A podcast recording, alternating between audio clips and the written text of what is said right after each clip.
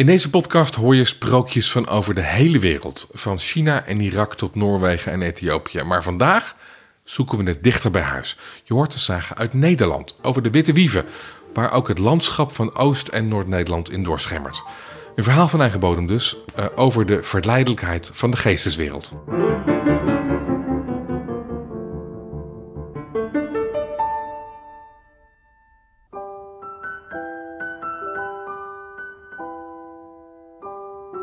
Abe van der Veen, welkom. Eh, jij bent als verhalenverteller ook erg thuis in de Griekse mythen en zagen.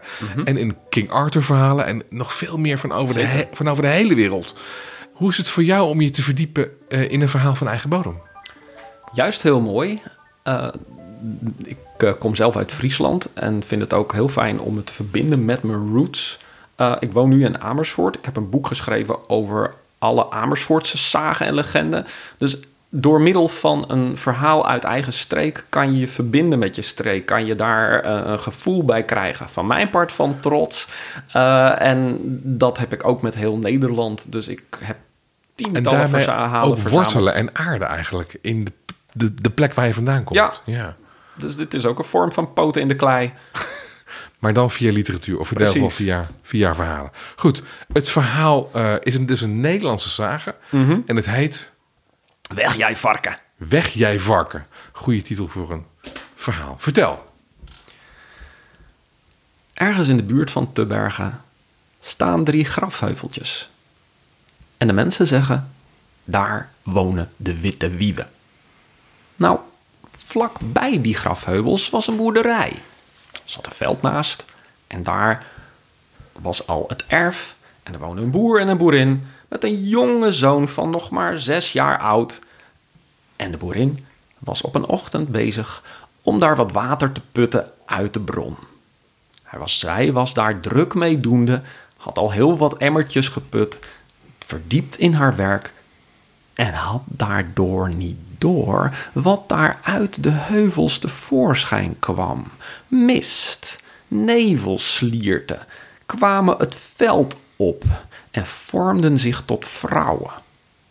Ze keek op, wreef zich even in de ogen en stond daar met open mond te kijken naar het schouwspel van dansende nevelwezens, witte wieven, die zich hand in hand een prachtige dans deden en zelfs een melodie zongen die betoverend was.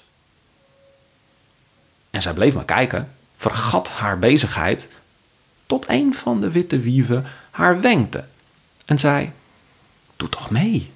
Kom toch met ons dansen. Kom met ons zingen. Ze keek even naar achter, wrong in haar handen.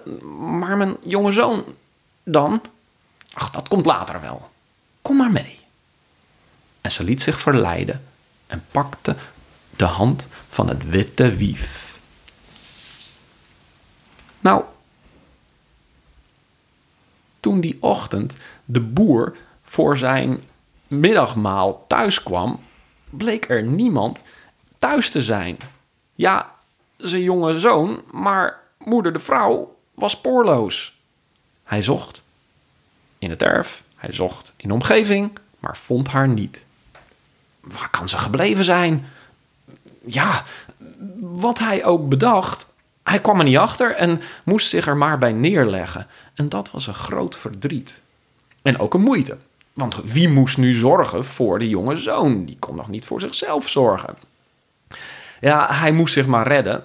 En de jonge zoon moest ook nog, s ochtends, al het weiland in om op de koeien te passen. Het vreemde was dat als hij dan die middag terugkwam van de koeien, hij altijd al netjes gekamde haren had, een goed gepoetste snoet en een boterham achter de kiezen. De boer vond het eerst een beetje vreemd, maar dacht: ach ja, dat zijn de buren die hem eh, verzorgen. Dat zal wel een burin zijn geweest. Maar toen dat zo een week of zo doorging en de jongen ook een beetje mysterieus, dromerig keek, werd hij nieuwsgierig en ging in de vroege ochtend achter hem aan. Hij schrok, want de jongen werd omsingeld door nevelslierten. witte gedaante omringde de jongen en eentje leek wel wat steviger te zijn, wat meer van materie. Die, die, die hem om de snoet, zette een kaars in zijn haar, zette een kam in zijn haar en gaf hem een boterham. Mevrouw! Vrouw toch, wat doe je daar tussen die witte wieven? Kom terug! Hij had het nog niet op een schreeuwen gezet. Of die wieven, die vertrokken weer. En ook zijn vrouw werd weer tot nevel. En ze verdwenen in de groene heuvels, de grafheuvels van het landschap en lieten de jongen achter. Maar de boer wist genoeg. Ik zal en ik moet mijn vrouw terugkrijgen. En ik weet ook wanneer. Met volle maan dansen de wieven op hun heuvels en dan zal ik ze krijgen. En met zijn schietgeweer ging hij de eerstvolgende volle maan naar de grafheuvels toe en wachtte op het juiste moment. Dat laat en nog later, tot ergens in de verte de klokken twaalf uur sloegen. En ja hoor, daar verschenen ze, één voor één, om hun spel te doen, te zingen en te dansen op de grafheuvels. En in het midden stond zijn vrouw. Zijn hart bonsde in zijn keel. Nu, nu is de tijd. Hij richtte zijn geweer. Ja, niet op haar natuurlijk. Op die andere wieven die haar ontvoerd hadden. En schoot. Daar, midden in de nacht, weer klonk die knal. De wieven doken hun holen weer in. En dat niet alleen. Zijn vrouw bleef staan. Hij liep op haar af, almaar roepend: Lieverd, blijf hier. Je bent geen wit wief, je hoort bij ons. Je bent een mens. Lief, laat me je weer in mijn armen nemen. Je weet toch hoeveel ik van je hou. Maar toen hij de daad bij het woord voegde en zijn armen uitstrekte, tastte hij in de nevel. Ach, ach, ach, vrouw toch. Ik zei het toch. Je hoort bij ons. Wees toch een goede moeder. Wees een goede vrouw voor mij. Maar toch bleven zijn handen in de nevel wapperen. Hij zag zijn vrouw, maar tastbaar was ze niet. En met de tranen in de ogen smeekte hij nog een laatste derde keer: Als je het niet voor mij doet, doe het dan toch voor je kind. Hij is bijna zeven en hij heeft je zo nodig. Alsjeblieft. Er gebeurde iets. De nevel leek zich weer te vormen tot een vaste gestalte. En trillend strekte hij zijn handen naar haar uit en pakte haar vast. Ze was weer mens geworden. Hij troonde haar mee en zette haar voor op zijn paard en ging er vandoor. Maar toen kregen de wieven ook weer meer moed, want gingen hem achterna en schreeuwden en gilden: Ze is van ons, ze hoort niet bij jou. We hebben haar eerlijk geroofd.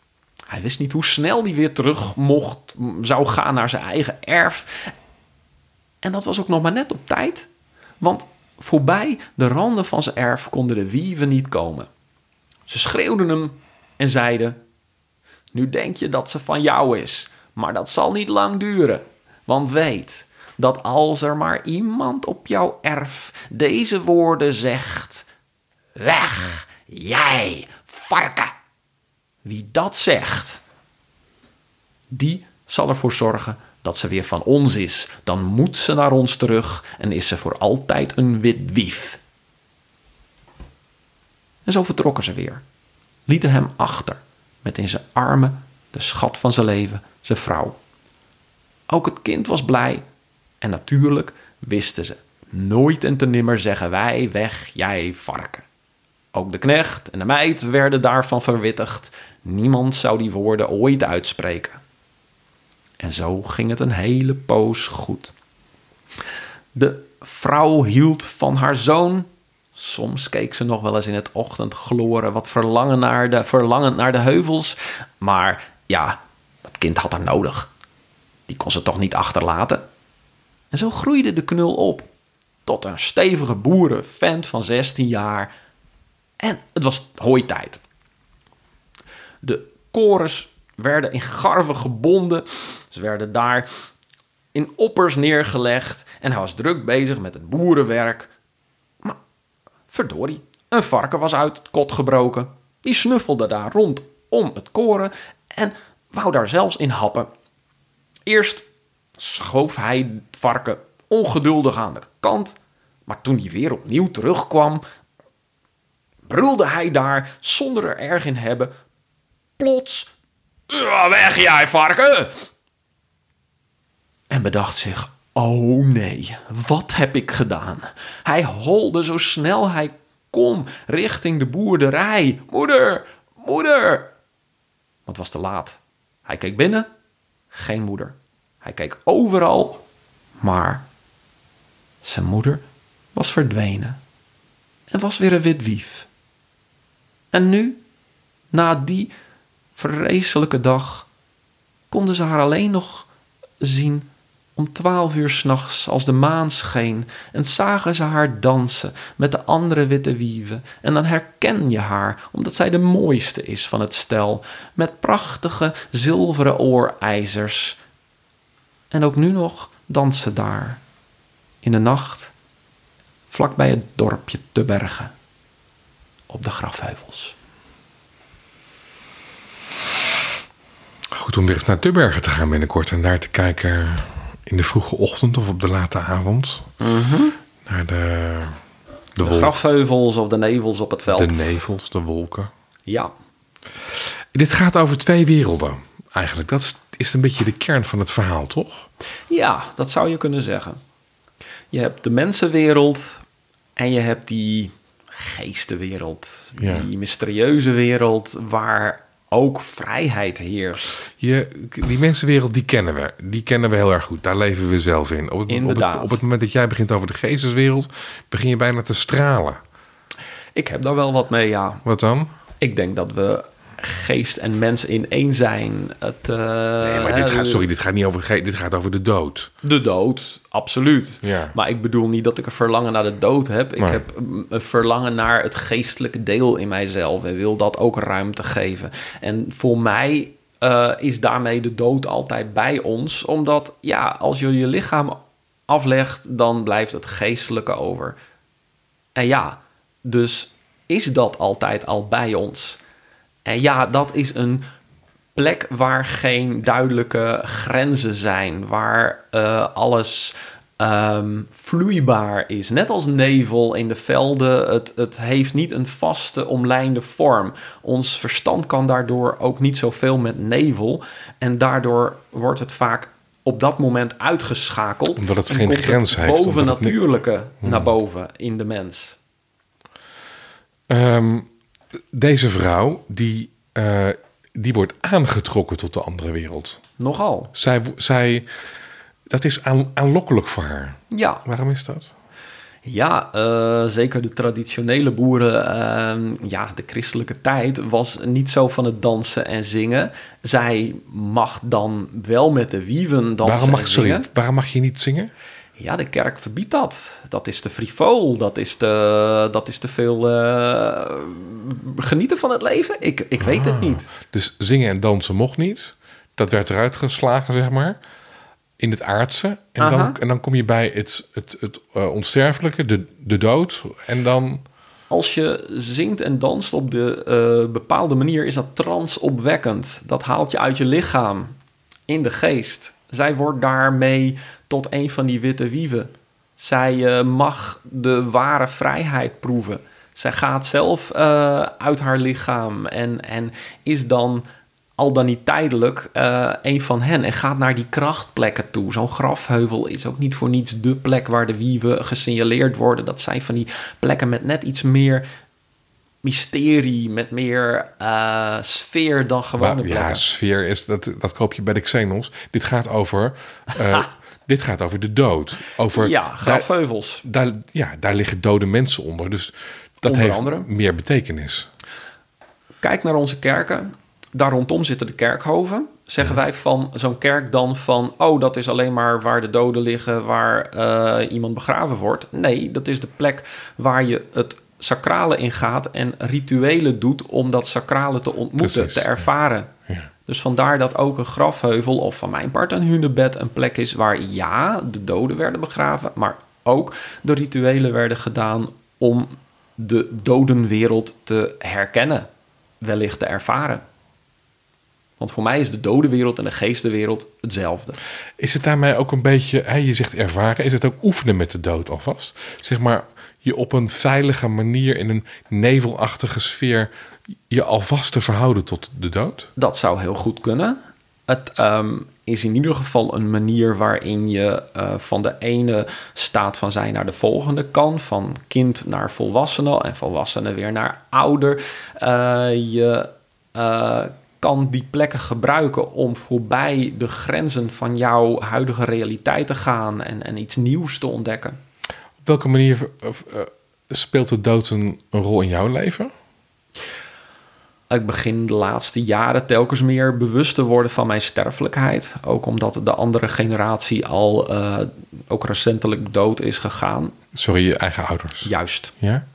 En, En hoe verhoud je je tot hen? Is dat, een, is dat ook een nevelachtige sfeer? Of, Ehm, of zijn ze echt dood? dat is een hele lastige. Voor mij zijn ze opgegaan in eh, een groter geheel. En eh, daar heb ik wel een ervaring mee dat je ook nu in het leven op kan gaan in dat grotere geheel van eh, waar wij uit voortkomen, de geesteswereld. En als je je daarmee identificeert met eh, dat continuum waar al die geesten één zijn, dan merk je dat je en hier in het vlees zit en daarboven tegelijkertijd bent. En dat geeft mij veel troost als ik eh, dat besef. Want ja, het ehm, een sluit het ander dus niet uit. En, en als ik doodga, blijft dat grotere geheel er nog steeds zijn. En wie weet kom ik dan in een andere vorm weer terug. En wie weet ook niet. Ja. Eh, die witte wieven, die spelen een hoofdrol. Ja, Waar wat zijn witte wieven? Waar staan ze symbool voor? Ze zijn hele eh, interessante wezens. Je komt ze eigenlijk alleen maar voor in het oosten des lands en ook een beetje die Duitse grens. En daar staan ze tegelijkertijd voor de wijze vrouwen die bovennatuurlijke gaven hebben. In het verleden deden die dan aan eh, voorspellen, genezen, eh, verborgen of verloren dingen terugvinden. Alleen die vrouwen zijn uiteindelijk ermee gestopt, zijn gestorven. En hun geesten spoken dan nog rond de witte wieven grafheuvels of witte wieven kuilen. Het zijn dus gestorven wijze vrouwen. Dat is een interpretatie. Eh, ik weet dat de mm, geleerden het daar soms niet over eens zijn. Maar als je de. Ja, voor mij is het dat. En wat doen zij? En vervolgens zijn ze nog meer, want de witte wieven eh, in de zagen komen ook nog wel eens in, ontmoeten nog wel eens een mens en eh, wekken eh, in een andere zagen gaan die een uitdaging aan. Iemand moet een spit werpen in de witte wievenkuil of een spit steken in de witte wieven heuvel. Wat is een spit? Een spit is een, eh, zoals je een spitvork hebt, of een eh, braadspit, een, een, een langwerpig metalen ding. En waarom moeten we dat doen? Een bewijs om je mannelijkheid te tonen. Een bewijs om te tonen dat jij eh, voorbij de grens naar het geestelijke durft te gaan. Daar dat spit in de heuvel te steken en daarmee je moed bewijst. Zijn ze goed aardig of kwaadaardig? Ze zijn degene die je uitdagen. Ze zijn dus de eh angstaanjagende die als je de taak goed verricht, je goedgunstig gezind zal zijn.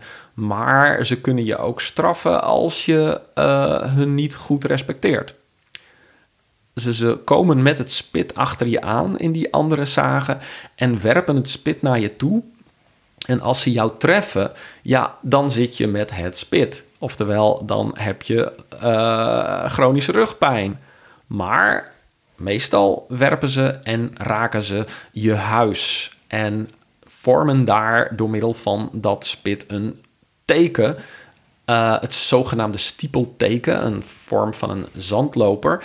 En als ze die daar hebben gemaakt, merken ze je huis als: van, nou, dit is een goede huisvader. Dit is een goede uh, persoon die een gezin mag stichten. Uh, nog één ding wat ik nog wil weten over de, deze specifieke zagen. Ja. Weg jij varken. Waar komt dat vandaan? Waar komt dat varken van? Waar, hoe zit dat precies? Ja, echt ik zou je heel graag willen helpen, maar voor mij is dat nog een raadsel. ik vind het, het, het, sloeg bij mij als een tang op een uh, varken. En daardoor vond ik het ook juist leuk. Want als je dat als toehoorder je, wat is dit nou weer? En ik hou van die verbazing in een verhaal van... waarom nou, uh, wat is dat varken? Kijk, een varken is helderder dan een, dan een uh, kip of zo. Dat begrijp ik allemaal wel, maar... Mm -hmm. Dus wat die... Dat mag niet gezegd worden. Het mag niet. Het is een taboewoord. Weg jij varken. Uh, mooi een mooie oude Nederlandse zaag. Ook een paar honderd jaar oud, denk ik. Zeker. Kan ik me zo voorstellen. Dankjewel, Abe, voor het vertellen hiervan. Dankjewel. Ja, dank je. En jij bedankt voor het luisteren naar deze aflevering. In de Sprookjespodcast, die dus ging vandaag over Weg jij varken. In de Sprookjespodcast hoor je elke aflevering een nieuw sprookje van over de hele wereld. Mijn naam is Basti Barancini. En vandaag hoorde je Abe van der Veen. Hij heeft de afgelopen twintig jaar een gigantisch repertoire opgebouwd als verhalenverteller. Ook schrijft hij artikelen en boeken over de diepere betekenis van de sprookjes, mythen, zagen en verhalen. Kijk op abedeverteller.nl voor heel veel meer informatie over hem. En je kunt hem ook nog eens boeken als verhalenverteller.